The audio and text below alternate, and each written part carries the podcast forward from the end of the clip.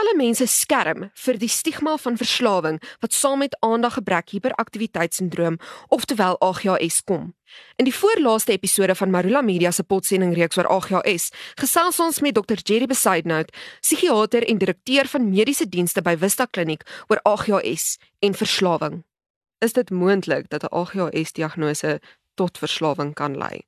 OK, die diagnose is as ons nou wil tegnies wees, is basies net iemand anders wat vir jou 'n naam term gee vir wat jy ervaar. So die diagnose self nie.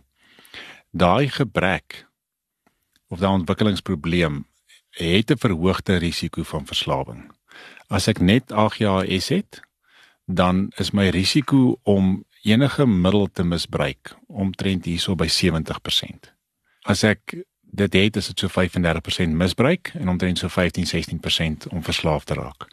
As 'n kind 8 jaar is het en rook, dan raak dit 35% verslawing en 70% misbruik. En dit gaan oor die impulsiwiteit en daai afwykings. Onthou baie van die middels wat ons gebruik verhoog dopamien. En so dis half selfmedikasie wat die wat die persoon dan toepas. So daar is daai risiko die weet die vraag was gewees as ek nou 'n stimulant gebruik wat misbruik kan word, gaan dit nie tot verslawing lei nie. En daar's baie mooi studies gedoen gewees in Europa wat gekyk het daarna en die teenoorstelle gewys. Kinders wat uh, behandeling kry wat konsekwent behandeling kry, se misbruik en verslawingsrisiko is baie baie laag. Die wat nie kry nie, is baie hoog. So die teenoorstelle gebeur. Mense moet onderskei daar tussen misbruik en verslawing. Jy weet die pille enige pil kan ek gaan misbruik. Dis my keuse.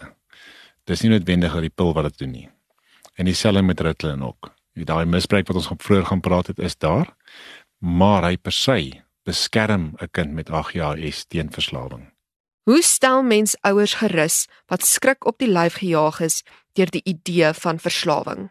Ons vertel die, die ouers van van die feite van die weet die feit dat dit beter maak. Ek sê baie keer vir die ouers as jy bekommerd is, gee vir die kind elke oggend die pille sodat jy weet wat by die by die kind gebruik. En dan jy weet nie een van ons het enige waarborge dat ons of ons kinders nie verslaaf gaan raak of 'n probleem gaan ontwikkel in die lewe nie. So ek kan nie vir hulle daai waarborg gee in die toekoms in nie. Maar wat ek vir hulle wel kan sê is is dat hoe meer hulle die kind help om as 'n 'n heel mens te ontwikkel, hoe beter is hulle kanse om die lewe te kan gebalanseerd te kan bestuur. En dit is belangrik. Jy weet so om die kind as ek hom nou op medikasie sit wat sy wat hom help om sy emosies beter te bestuur en sy impulse beter te bestuur. Dan leer hy om dit te bestuur ook.